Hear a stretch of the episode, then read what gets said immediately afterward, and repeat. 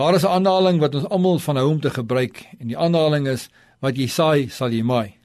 En 9 uit 10 keer het hierdie aanhaling 'n negatiewe konnotasie. Ons hou daarvan om vir mense te sê wat ons ingedoen het. Ja, onthou, wat jy saai, gaan jy maai. Nog 'n woord ons gebruik ons ons sê vir mekaar onthou net die wiel draai. En 9 uit 10 keer is dit as iemand iets aan ons gedoen het, ons het nagekom het, ons ons seer gemaak het, dan sê ons onthou net wat jy gesaai het, gaan jy maai met die hoop dat eendag hy die negatiewe wat hy in die seer wat aan jou toe gedoen het, hy self gaan kry. In Genesis gee die Here ons die opdrag en hy sê ons moet oor die aarde heers. En die realiteit is, die manier hoe ons oor die aarde heers is juis in dit wat jy sê en in elke uitspraak wat jy maak. Maar jy sien die woord wat jy maak en elke uitspraak en dit wat jy sê dra saad wat vrugte oplewer.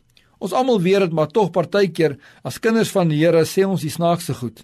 Talle kere maak ons negatiewe stellings oor ons eie lewe, oor ons land, oor jou werk, oor jou gesin en ons kan so aangaan en al hierdie uh, negatiewe uitsprake is saad wat ons die grond insit. En dan baie keer begin hierdie saad verander en word hierdie saad vrugte. En dan begin ons hierdie vrugte in ons lewe sien. Dan wonder ons, maar hoe het hierdie vrugte hier uitgekom? Hoe het dit gebeur? Kyk wat sê Spreuke 18 vers 20. Hy sê van die vrug van iemand se mond word sy maag versadig. Hy word versadig van die opbrengs van sy lippe. Met ander woorde, jou hele lewe word vervul met dit wat jy sê, die uitsprake wat jy gemaak het. Ek dink ons besef hoeveel krag daar in ons woorde is nie.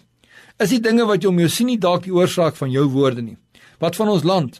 Dink jy nie is tyd om positiewe uitsprake te maak nie? Al Job se vriende hom verlaat en hy moeskien gaan hy negatief wees of gaan hy vir hulle bid. En as jy Job 42 lees, gaan jy sien die oomblik toe hy vir hulle begin bid, toe verander dit. Maak jou uitsprake weer positief.